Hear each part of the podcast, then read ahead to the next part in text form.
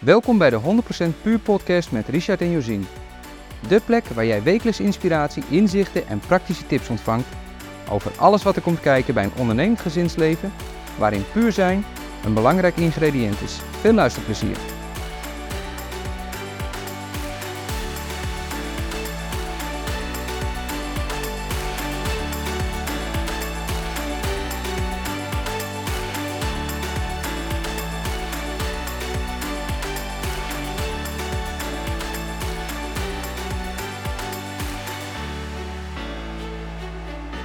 Nou, Richard, we gaan het hebben over een beetje gevoelig onderwerp, toch? Ja, een onderwerp waar alles mee valt of staat Communicatie. binnen een relatie. Ja, nou ja. En ook wel hoe dat de basis eigenlijk vormt van elke relatie. Ja, niet alleen van een liefdesrelatie, maar eigenlijk iedere relatie die er is. Daar ligt de basis in, in communicatie, denk ik. Ja, wij mensen zijn daar natuurlijk wel een beetje anders in dan de dieren. In de zin van hoe wij communiceren. We hebben zoveel verschillende manieren van communiceren. Wij zitten hier te communiceren nu. Ja, dieren communiceren ook, maar ja, die doen dat meestal het noodzakelijk, delen ze. En wij mensen niet. Veel meer dan noodzakelijk bedoel je. Eh, ja, ja, vaak wel. Ja, daar zit natuurlijk wel een kern van waarheid in. Ja, Maar dat maakt het ook wel leuk. Dat klopt. Ja, ik dacht gewoon, hoe gaan we het nou hebben over communicatie? Want hè, jij bent een man, ik ben een vrouw. Dus we zijn eind van dit jaar 20 jaar getrouwd. We hebben wel eens eh, wat strubbelingen in onze communicatie gekend. En eh, nou, wie weet wanneer de volgende is. Maar dat, eh, sommige situaties kunnen we daarvoor opzoeken. Dan weten we dat we langs elkaar heen praten, om het zo maar te zeggen. Toch heeft het ook heel veel verbondenheid gebracht. Ja, ook ik denk ook je mis, misverstanden die je hebt, weet je, dat, dat botst even. Maar dat brengt je dadelijk ook weer dichter bij elkaar.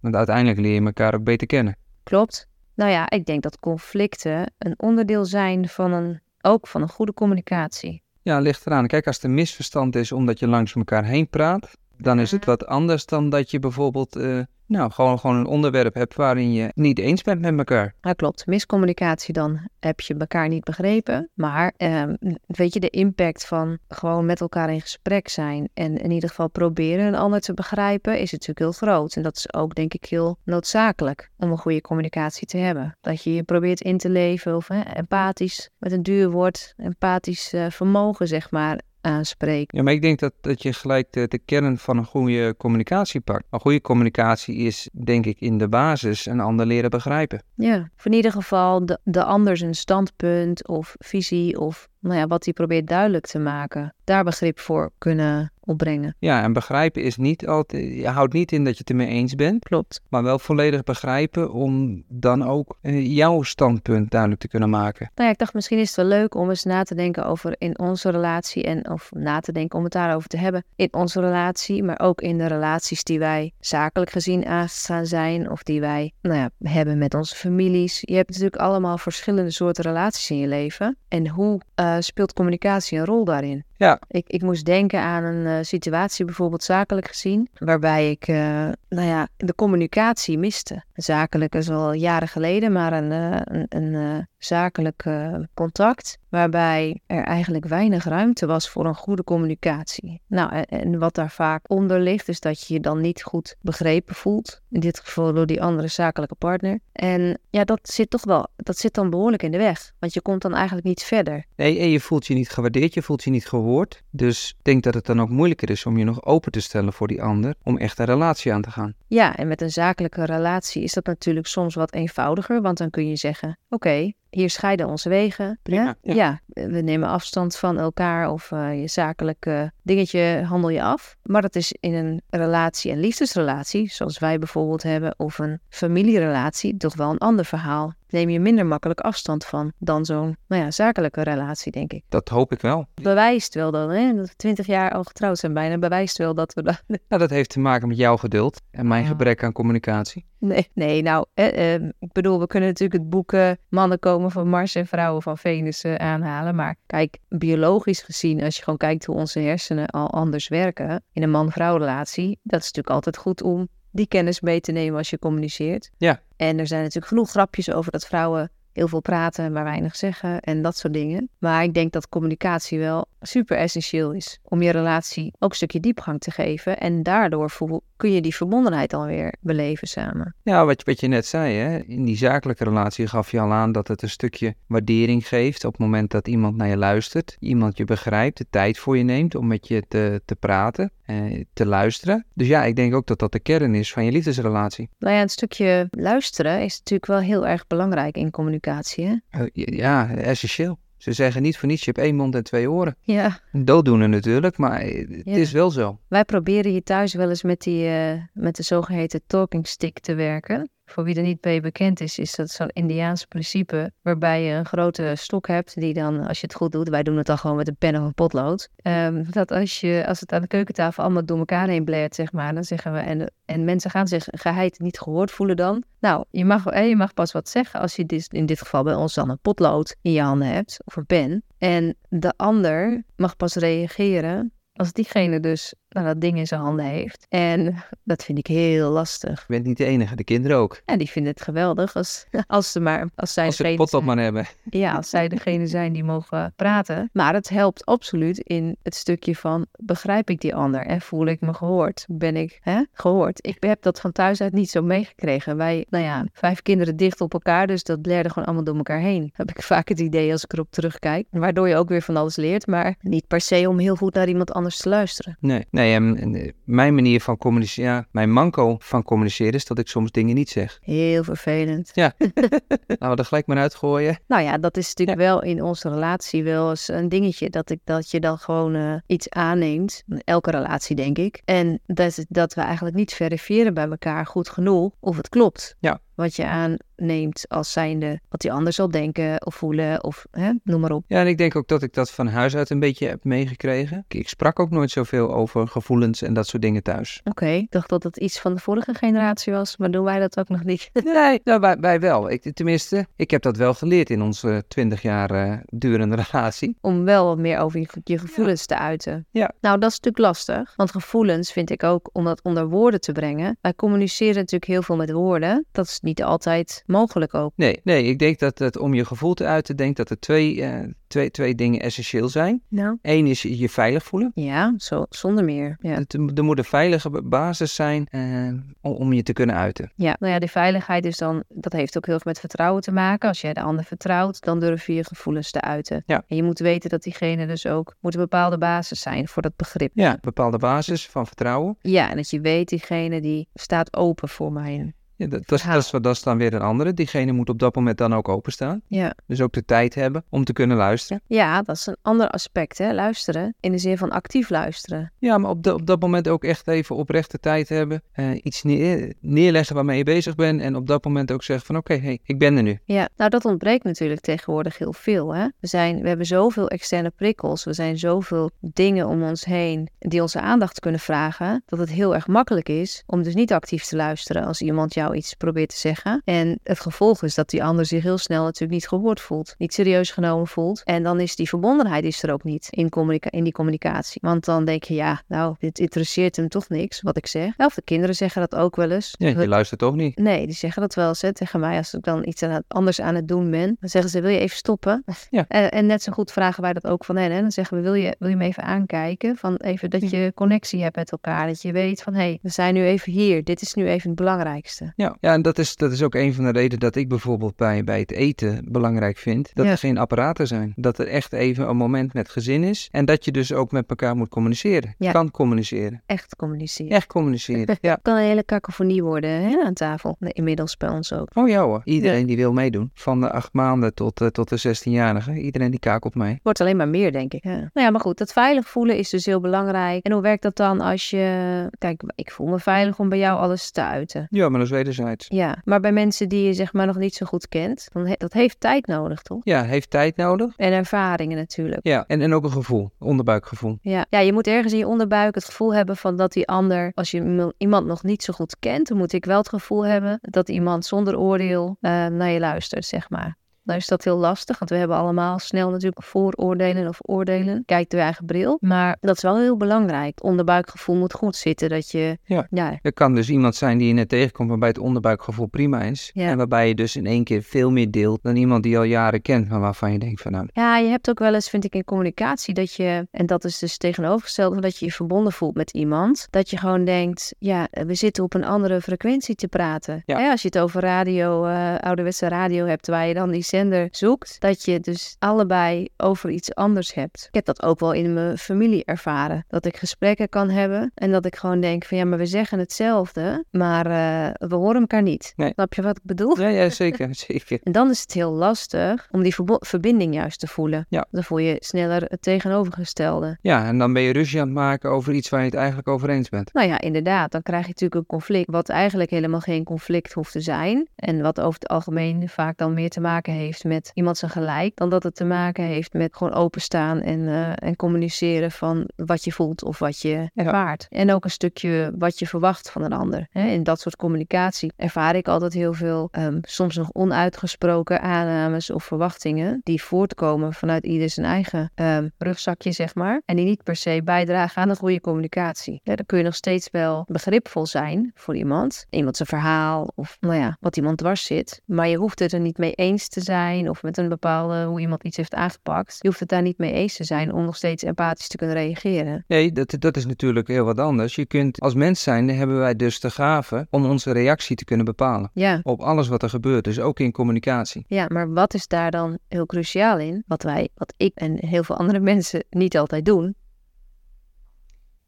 Dit, stilte. Ja, ja eh, Stephen Covey, die heeft het over de pauzeknop. Hè? Ja, klopt ja. Je, mag, je mag altijd even de pauzeknop indrukken ehm, en druk die ook even in. Ja, maar dat doen wij dus vaak. En als je het over communicatie hebt, denk ik veel te weinig. Ja, en dan is de vraag, waar, waarom doen we dat niet? Nou, ik heb de laatste paar jaren dat voor mezelf pas geleerd. Ik denk dat het heel erg te maken heeft ook met je eigen grenzen kennen. En ehm, jezelf leren kennen. En dat je dan veel makkelijker een pauzeknop kan aangeven. Of op de pauzeknop kan drukken. Of kan zeggen van nou, ehm, ik wil hier graag nog even over nadenken. Of ik weet niet zo goed wat ik hier nu van vind. Dat dat oké is om dat te zeggen. Ja, juist dat. Inderdaad zeggen van, hé hey joh, ik neem nu even pauze. Ja, Ik denk er even over na en ik kom erbij op terug. maar ja, hoe doe je dat dan eh, met je kinderen? Hè, die willen nu een antwoord of die willen... Nou ja, weet je, dat, dat gebeurt bij ons regelmatig natuurlijk. Dat zij eh, direct een antwoord willen. Dat wij zeggen van, oké, we denken er even over na. Ja, of, of we gooien hem over de schutting terug van wat lijkt je zelf een goede oplossing? Ja. Want dat is ook een, cru- een cruciaal dingetje voor mij in communicatie. Dat ik vaak denk dat wij zelf het antwoord al weten als je in, met iemand in gesprek bent. En je, en je zoekt eigenlijk een soort van bevestiging om het e- over het een of het ander. Eigenlijk is dat niet nodig, zeg maar. Nee, en, maar dat is ook, wat is je doel van je, van je communicatie op dat moment? Hè? Als, je mij, als je bijvoorbeeld het probleem bij mij neerlegt, dan ben ik gelijk al eh, geneigd om te gaan zoeken naar een oplossing. Ja, dus dat is ook persoonsafhankelijk. Maar dat kan helemaal niet de behoefte zijn. Nee. Dus waarom zou iemand, als je iemand met mij zou communiceren en die zou eigenlijk alleen zijn verhaal kwijt willen, Ja. zou, zou je dat best kunnen zeggen. Ja, dat- Luister, ik wil je gewoon wat vertellen. Ik wil vooral geen oplossing, Ja. maar ik wil dat je even stil bent en luistert. En dat is 9 van de 10 keer, denk ik, waarvoor mensen communiceren met elkaar. Om zich even gehoord te voelen. Ja, dat denk ik ook. Maar je kan het ook rustig benoemen, denk ik. Ja, dat denk ik ook. En toch doen we dat vaak niet. Wij ook niet in onze relatie. Hè, dat is dan, eh, dan ga je s'avonds naar bed toe en dan eh, heb je dan het moment van, goh, hoe was jouw dag? Hoe was jouw dag? Ja. Nou ja, als je een lange dag gehad hebt, dan ben je moe genoeg. Hè, jij hebt vandaag ook de hele dag eh, druk geweest eh, buiten. Ben je fysiek misschien ook nog moe? Dan is het lastiger om goed te communiceren dan wanneer je, nou ja, nog alle rust zeg maar hebt en uitgerust bent. Ja, als je de- dit is anders als je tegenover elkaar lekker zit te eten. Ja. Of eh, ja, dat, dat je aan het eind veel Latijn van de dag bent. Ja, dat zijn twee hele verschillende dingen. En toch ligt daar wel een beetje, denk ik, de sleutel van wat wij ook proberen in ons gezin. De kinderen te laten zien dat je eigenlijk altijd moet kunnen communiceren. Nou ja, moet klinkt zo zwaar, maar dat je altijd wel je gevoelens moet kunnen mogen uiten, zeg maar. En dat je tegelijkertijd wel rekening houdt ook met de ander. Hè, want het is natuurlijk wel als jij ergens helemaal van over de huppel bent en je kan dat niet meer op een fatsoenlijke manier brengen, communicatief gezien.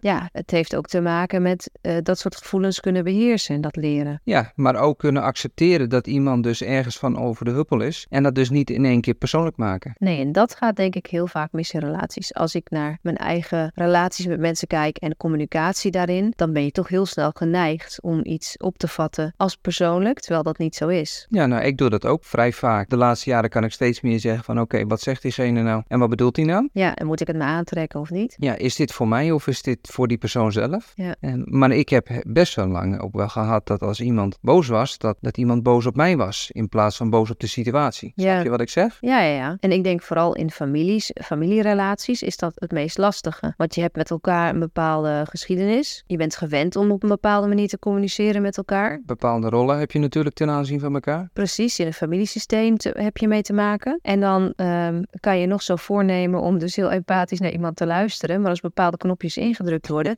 kan het heel lastig communiceren worden. Hè?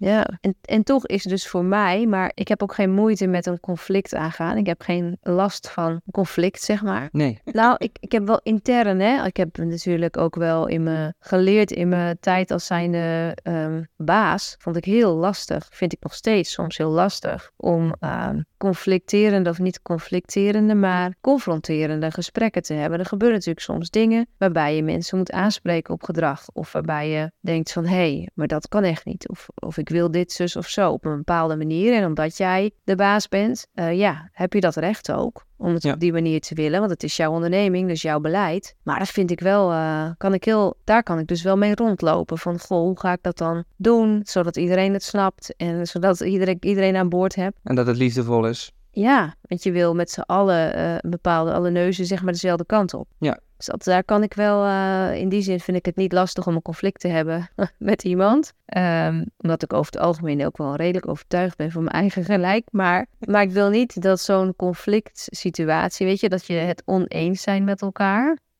En dat er geen ruimte meer is voor begrip van beide kanten. Dan wordt communiceren heel lastig. Het, hè, het zeg maar in het Engels zo agree to disagree. Dus Ja. we zijn het erover eens dat we het niet eens zijn met elkaar. Ja. Dat kan heel veel verlichting geven. En Ja. tegelijkertijd kan je dan die verbondenheid zeg maar een beetje kwijtraken. Agree to disagree zijn, om het zo maar te zeggen, op het moment dat je bij het onderwerp blijft. En dus niet bij de persoon komt. Ja, klopt. Want je kan anders over een onbepaald onderwerp denken en dat is helemaal oké. Ja. Op het moment dat het cruciale onderwerpen zijn die bij jouw kernwaarden komen in een Ja. relatie, dan zou je je af moeten vragen van, hé, hey, eh, gaan we nog de goede kant op? Ja, dat is dus waar het lastig wordt om dan, nou ja, een conflict zeg maar, krijg, kan je dan krijgen. Ehm, en dan wordt het lastiger communiceren. Ja, maar dan kom je vaak bij je eigen persoon en dan eh, denk ik dat je ook gauw geneigd bent, Ja. laat, laat ik het bij mezelf houden, dat ik gauw geneigd ben om meer op de persoon te gaan zitten dan op het onderwerp. Ja, en dat helpt dus nooit om een conflict op te lossen. Terwijl je juist goede communicatie nodig hebt om een conflict weer op te lossen. Nou ja, dit is onvermijdelijk hè. Hoort in elke relatie thuis, conflicten. Ja, en conflict is ook helemaal niet erg. Ik denk ook dat het heel belangrijk is om op een goede manier te leren om een conflict aan te gaan. Ja, denk ik ook. Ik heb een keertje gehoord in mijn jeugd en dat vond ik toen heel bijzonder. Ik dacht, wow, hoe doen die mensen dat? Ehm, van een echtpaar die dus een soort afspraak gemaakt had. Wij maken nooit ruzie voor de ogen van onze kinderen. Dus als wij het met elkaar oneens zijn, dan zullen we ons altijd afzonderen en we zullen nooit in het bijzijn van de kinderen, nou ja, ruzie maken. Ja. En dat vond ik een heel nobel streef. Ik dacht, wauw. Maar naarmate ik wat ouder werd, dacht ik wel. En ook toen wij zelf een gezin kregen, dacht ik, ja, maar dat is toch best wel verschrikkelijk. Want als jij nooit een conflict ziet, ook als kinderen, hoe leer je dan om dat op te lossen? En daarnaast is het ook gewoon, ja, ik ken geen enkele relatie waar het allemaal roze geur en maneschijn is. Dus die conflicten horen wel bij het leven. Ja, ik denk op het moment dat je een relatie hebt die roze geur en maneschijn lijkt, ja, dat je dus niet tot de kern komt. Nee, dat je dus niet je ware zelf laat zien, bedoel je? Ik ben conflictmijdend qua persoonlijkheid.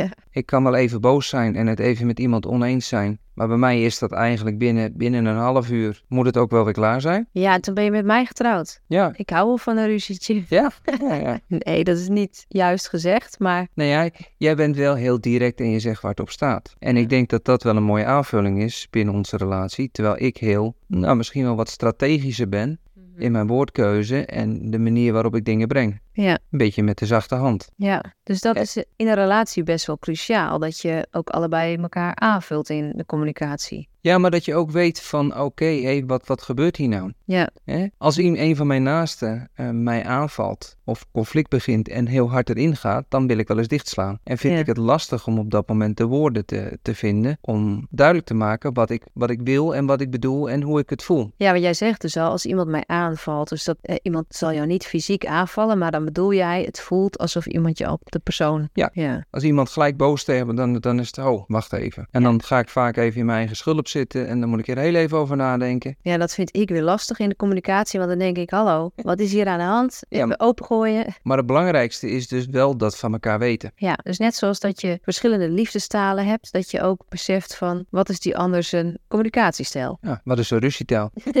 Nou ja, iets waar wij nog niet zo goed in zijn, maar wat daar wel in kan helpen. Ik heb dat, we hebben het daar wel eens va- vaker over gehad en ook wel meerdere dingen over gelezen. Is dat stukje dat je check-ins doet bij elkaar. Hè? Dat hebben wij natuurlijk het hele idee van wekelijks een date moment hebben, date night of een date. Of je nou gaat lunchen of dat we samen zoals nu op de bank zitten en een gesprek voeren. Dat je dus even checkt bij elkaar, joh. Ja, hoe was jouw dag? Of Ja. hoe eh, steek jij hier nu in? Of hoe sta je hierin? Is dit voor je opgelost? Of voel je hier oké mee? Dat doen we veel te weinig als mensen. Ja, en een hele simpele check-in is ook van, begrijp ik goed dat je dit bedoelt? Ja, ik heb natuurlijk vorig jaar die coachingsopleiding afgerond. In de kinderopvang eh, is een pedagogisch coach verplicht. Mhm. En heel veel dingen had ik natuurlijk al in de nou ja, ho- holistische coaching en door de afgelopen tien jaar vanuit de olie geleerd. Maar daar kwam wat heel duidelijk naar voren. Dat is toch altijd echt een belangrijke vraag. En dat zie je met die talking stick ook. Van joh, begrijp ik of ik hoor dat je dit zegt. Klopt dat? Of bedoel je dit? Dat je het checkt bij elkaar. Ja, ja, het moet wel oprecht zijn. Ja, ja, klopt. Want dat is in het het dat je iemand- coachingsland. En dan, dan wordt het zo'n zo'n standaard zinnetje. Ja, Begrijp ik dat je dit? Oh, ik zie dit. ja, ja. Bedoel je dat? Maar daar zijn wij misschien wat gevoelig voor, omdat we ook vanuit de politie natuurlijk nou ja, dat soort technieken wel kennen. En dan, dan prik je daar heel snel doorheen en dan, nou, dan ben je mij ook wel snel kwijt. Ja, ja, dan ben je een soort managementtaal aan het spreken waarvan ik denk van nou, voor mij begrijp je niet wat ermee bedoeld wordt. Ja, maar dat komt omdat je dus die verbinding niet hebt, Ja. volgens mij. Dat ontbreekt dan, terwijl iemand misschien eh, op papier alle juiste vragen aan het stellen is. Maar er is geen connectie. Nee. Dan ga je nooit een goede communicatie hebben. Nee, en dan wordt het echt werken. En als, als communiceren echt werken wordt, dan kun je beter stoppen. Ja, volgens mij kan je dan ook beter stil zijn. Ja. En de stilte is denk ik wel echt ook een heel belangrijk aspect in communicatie. Ja, ik vond dat vroeger, vond ik dat, eh, toen we net bij de politie zaten, dan zit je altijd met iemand op de auto. Ja. Zit je altijd samen. Ik ben niet iemand die acht uur lang praat. Nee. Ik kan ook rustig even stil zijn. Maar bij sommige collega's merkte je dat het een ongemakkelijke stilte werd. En dat, dat vond ik wel heel lastig. En omdat ik op, dat, dat, dat op mezelf betrok. Maar eigenlijk, ja, weet je, ik ben gewoon wat stiller van mezelf. Ja.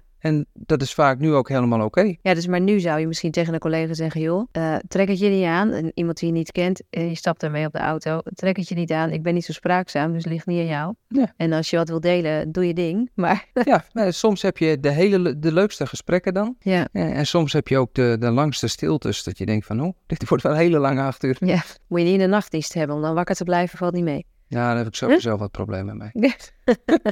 Een ander aspect van communiceren vind ik ook wel eh, mensen die zeggen dat alles gezegd moet worden, mag worden in een, in een relatie. En daar ben ik het 100% mee eens. Wat men vaak bedoelt is dat al het negatieve gezegd mag worden. Terwijl ik denk dat op het moment dat je als je zegt van hé, hey, we hebben een relatie, we zijn verbonden, dan mag ook alles gezegd worden. Maar als je alles zegt, dan is het denk ik ook heel belangrijk om juist het positieve te benoemen. Ja, complimentjes en zo bedoel je dat? Eh, complimentjes, waardering. Ja. Ehm, weet je, ik moet nog wel eens even denken aan, aan de emotionele bankrekening. Ja, hoeveel daarop staat. Ja, Ja, wat is het principe van de emotionele bankrekening? Daar hebben we het er wel eens eerder over gehad, denk ik. Maar voor Ja. mensen die dat niet weten. Ja, weet je, op het moment dat je een storting doet, in de vorm van een positief iets in de relatie, Mhm. dan heb je op een gegeven moment ook weer een moment dat je wat op kan nemen. Ja, Door een fout die je maakt of eh, iets stoms wat je zegt. dus als je iemand maar genoeg, zeg maar, op die emotionele bankrekening in de plus staat. En jij maakt dan een keer een opmerking die minder goed valt. Ja, dan is dat beter in evenwicht, bedoel je? Dan, dan is dat beter in evenwicht. Ja. En, en ik denk ook dat het prettiger is, met name waarover we begonnen, dat een stukje vertrouwen. hè. Op het moment dat je ook benoemt wat je in elkaar waardeert, dan voel je je gezien en gehoord. Mhm. En maakt het denk ik ook makkelijker om die vertrouwensband te hebben. Om ook je eh,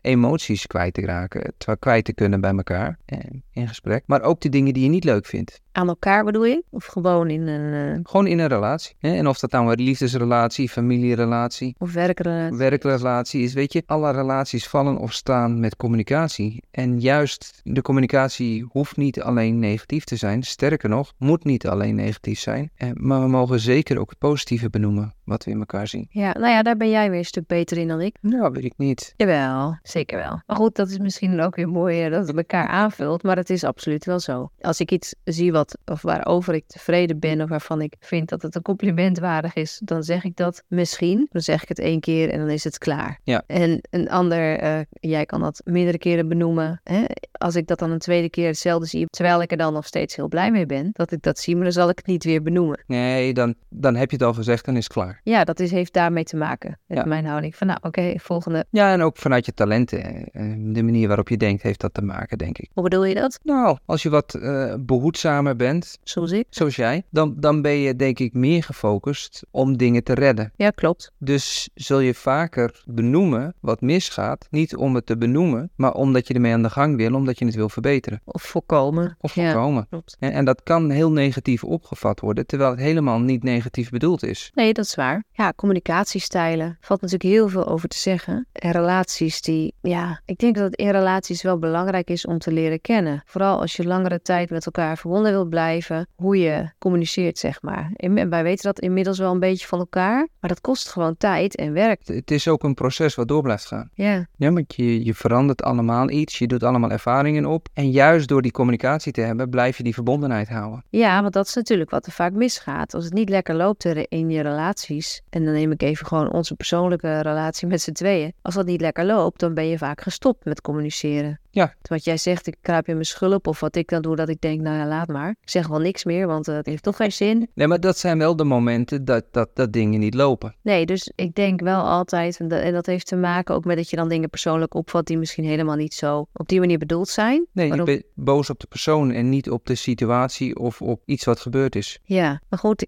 kijk, wat kun je dan daaraan doen, hè? Als je daar middenin zit, is dat heel lastig vaak. Want mens, als mens voel je je niet gehoord ja. of gezien, waardoor je dichtklapt, waardoor je niet meer gaat communiceren eigenlijk. Of nog steeds communiceer je dan, hè? Maar goed, op een non-verbale manier. Nou, het probleem is dat, je, dat die emotie er is. Ja. Want als je even weg zou kunnen gaan bij de emotie en zou kunnen kijken van hé, maar wat is er nu daadwerkelijk gebeurd? Ja. Dan denk ik dat in 99% van alle gevallen het eigenlijk nergens over gaat. Ja, en dat maakt het tegelijkertijd heel tricky. Want voor die persoon die zich niet gehoord voelt, gaat het wel om iets. Ja, nee, dat klopt. Maar als je dus bij jezelf kan zeggen, het gaat niet om dat je eruit stapt en dat je naar de ander kijkt, maar dat je eruit stapt en naar jezelf kijkt. Van hé, hey, wat, wat is er nu daadwerkelijk gebeurd? En wat doet het met me? En waarom doet dit zoveel met mij? Exact. Ja, dus eigenlijk die helikopterview een beetje pakt, een stapje achteruit doet. En in die zin is het dan helemaal niet erg ook om dus die stilte op te zoeken. En om even niks te zeggen. Wij hebben dat ook wel eens gehad in onze relatie. Dat we gewoon zeiden van, nou nu even niet. Dat, dat je voelt, dus jouw emoties. Dat ik voelde dat ik boos werd om een situatie, om iets wat gebeurd was. En dat ik dacht, nou dan ga je dat even uitspreken met elkaar. En dan werd het alleen maar erger, de situatie. Dan is het beter om te zeggen, weet je, Zullen we het hier even niet over hebben nu? Ja. Ik wil eerst even mijn eigen gevoelens op een rijtje hebben. Nou, dat zeg je dan vaak niet. Maar dat is wel ja. vaak een paar uur later, of een dag later, of soms is er meer tijd voor nodig. Ik heb dat wel. Er zijn mensen die zeggen: je moet nooit boos gaan slapen of nooit boos uit elkaar gaan. En dat geloof ik ook zeker wel. Um, maar omwille van de lieve vrede dingen niet benoemen of niet uh, het conflict aangaan, dan misschien op een fatsoenlijke manier, is ook niet goed. Nee, ik, ik denk dat ik ben het met je eens hoor. Weet je, je kan best eens gaan slapen terwijl je niet, niet lekker in je vel zit. En je kunt best uh, je ding gaan doen uh, terwijl je boos bent op elkaar. Ik denk het belangrijkste wat je moet realiseren, zeker in een liefdesrelatie, is weet je, ik ben boos op je omdat... Ja, vul maar in. Puntje, puntje, puntje. Omdat we dit hadden afgesproken, je hebt dat gedaan.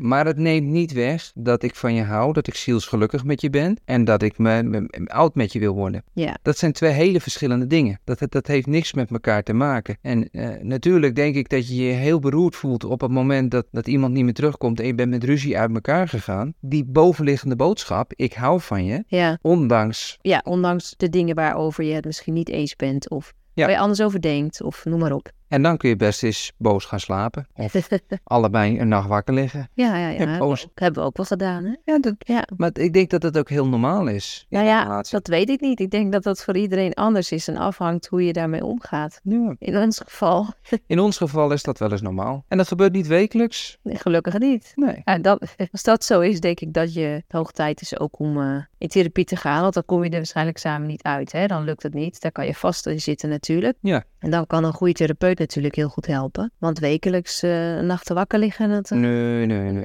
Daar ben ik ook niet zo goed in. Nee, en dat, dat, dat draagt sowieso niet bij aan een goede communicatie. Want uitgerust eh, en, Ja. en niet hongerig communiceren is altijd makkelijker dan andersom. Ja. Hè? ja. Nou ja, ja, communiceren is dus, communiceren is dus gewoon, eh, Essentieel. ja, ski. We kunnen niet zonder. Nee. Alleen, ja, en welke vorm het dan ook is. Hè? Het is, eh, als je jezelf, denk ik, blijft in de manier waarop jij prettig communiceert. Dat stukje gewoon puur jezelf zijn. Dat is denk ik heel belangrijk daarin. En dus een stukje authenticiteit. Gewoon authentiek jezelf zijn. En, en zo kom je denk ik ook wel erachter van welke, met welke mensen heb je wel een klik in communicatie en welke mensen niet. Want je kan niet met iedereen een goede communicatie hebben ten alle tijden. Dat is ook gewoon een feit. Nee. nee, en daarmee zoek je ook die mensen uit met wie je wel en niet eh, eh, kan. Ja, het heeft daar wel veel mee te maken. Dus of het nou eh non-verbaal of verbaal is, communicatie is super belangrijk in een relatie. En de impact van, nou ja, weet je, goed luisteren naar elkaar, openstaan voor elkaar. En lu- onder luisteren valt voor mij dus ook kijken, hè, observeren, de ander zien. Ja. ja dat is Knipoogje, knijpen in de hand. Hè, dat is die non-verbale communicatie. Ja, en in je andere soorten relaties die wat meer buiten je liefdesrelatie staan, is dat voor mij ook gewoon het, met name het open en eerlijk zijn. En dat je een man een man, een woord een woord, dus aan kan, ervan op aan kan wat iemand zegt. Dat stuk vertrouwen is daar eh super belangrijk in. Ja. En natuurlijk, iedereen kan zich wel eens om wat voor reden ook niet aan zijn woord houden. Als je daar dan open en eerlijk over bent, dan hoeft nog steeds die band, zeg maar, niet eh,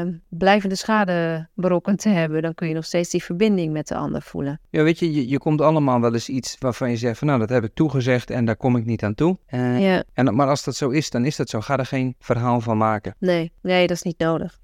Dat is ook het vertrouwen wat je in elkaar mag hebben. Ja, als het goed is wel, denk Ja. ik. Ja. Dus ja, wat, hoe kunnen we dat samenvatten, Richard? Dat eigenlijk effectieve communicatie ja, super belangrijk is, essentieel. Ja, ik denk dat het heel belangrijk is dat je, dat je weet waarom je communiceert. Ja, wat de reden van die communicatie is. Ja. Wat, wil je, wat wil je elkaar eh, vertellen? Ja. Luisteren. Ja. En dan luisteren om te begrijpen. Ja, maar ja, of het dus gaat om luisteren, praten, lichaamstaal of gewoon eh, zelfs stilte. Ja, communicatie is gewoon een heel krachtig middel Ja. om, om verbinding te maken met iemand. Dus dat te creëren, maar ook om het vast te houden. Ja. Ik denk dat dat, ja, Ik denk dat er voldoende afleiding in de wereld is. Dat je s'avonds, hè, als ik dat om me heen wel eens hoor en geen mening erover. Maar ja. past wel. Ik voel, ik, ik, ik Ja. voel onderhuids een mening. Nee, maar er is genoeg afleiding om in je relatie s'avonds op de bank televisie te kijken. Ja, En niet te hoeven te communiceren. ja zeker. En daarom ben ik wel blij dat wij eh, ernaar streven om in ieder geval wekelijks de date night te hebben. En momenten zoeken met elkaar om tijd met elkaar te hebben en ook met elkaar te communiceren. Ja, eigenlijk is het van de zotte hè, dat je daar dus een date night voor nodig hebt. Want je, kiest een partner uit omdat je een goede klik hebt met iemand. En vervolgens, voor je het weet, nou stel je voor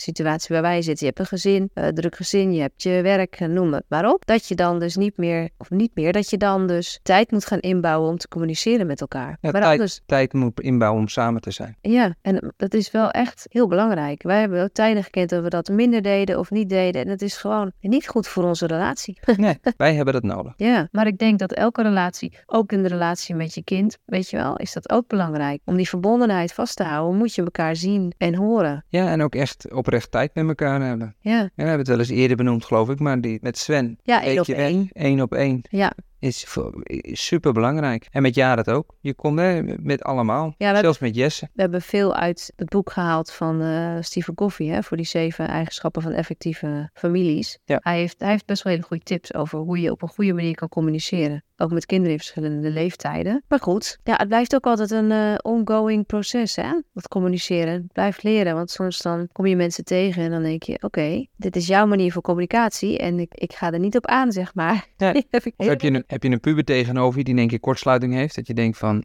Oké, Ja. gaan we hiermee op? Ja, of, of pubers die denken dat jij in een midlife crisis zit en dan eh, wordt het ook lastig. Oh ja, Die hebben we ook al gehoord, hè? Dus ja, weet je, het belang van open en eerlijke communicatie en, en de impact, zeg maar, die het heeft om gewoon actief te luisteren, hè, die open houding, ja, dat is gewoon super belangrijk. Denk in elke relatie, maar in ieder geval in een liefdesrelatie, als je het wil laten werken op een lange termijn. Echte gesprekken zijn een belangrijk onderdeel daarvan. Ja. Dat is een van de redenen waarom wij natuurlijk deze podcast gestart waren. Ja. Zodat we onszelf soort van verplichten om dit soort echte gesprekken te hebben. ja, over onderwerpen die je misschien 1, 2, 3 niet zo zou aansnijden. Nee, anders niet, nee. Nee. nee. Maar ja, het is wel de basis van onze verbondenheid. Ja. Eigenlijk. Dus de, de eerste tip denk ik van hoe laat je een druk gezinsleven, onderneming en eh, liefdesrelatie met elkaar slagen? Goede communicatie. Ja, ik denk dat die tip voor welke situatie dan ook, ook mensen die alleen zijn, daar gaat het ook voor op. Goede communicatie met je buren, noem maar wat. Het is gewoon alle mensen waarmee je in contact komt, is het de kunst om die open houding te hebben, om te kijken of er een bodem is voor verbinding. Ja. En ja, luisteren is gewoon heel belangrijk daarin. Dat, dat heb ik wel, dat leer ik steeds meer, zeg maar. Ja.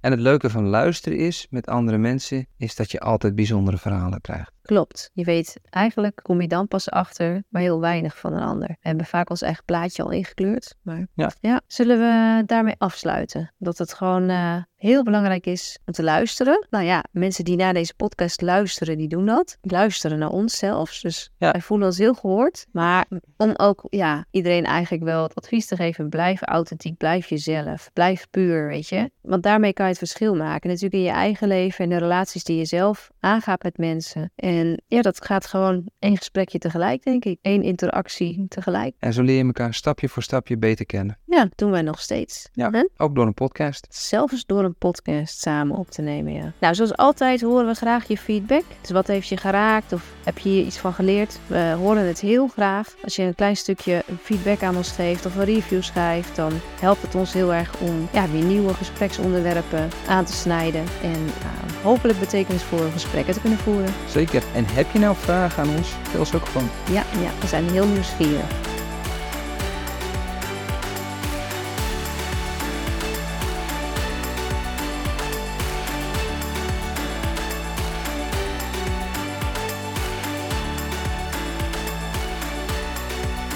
We hopen dat je iets waardevols meeneemt uit deze podcast. En zoals altijd kijken we uit naar jouw feedback. Wat heeft je geraakt? Of heb je misschien wat geleerd? We lezen het heel graag terug in een review. Dat kan je doen via de podcast-app waarmee jij luistert. Ook kan je je abonneren op onze podcast, zodat je telkens, wanneer er een nieuwe aflevering online staat, direct op de hoogte bent. Heb je tijdens het luisteren nou gedacht aan iemand die ook wel een portie puur kan gebruiken? Je kunt de podcast dan delen via social media of gewoon de link kopiëren en doorsturen. En misschien ben jij zelf zover dat je graag actie wilt ondernemen richting een 100% puur leven. Download in dat geval gratis ons stappenplan via www.pureolien.nl slash stappenplan. Dat is www.pureolien.nl schuine streep naar voren S-T-A-P-P-E-N P-L-A-N. Tot de volgende keer.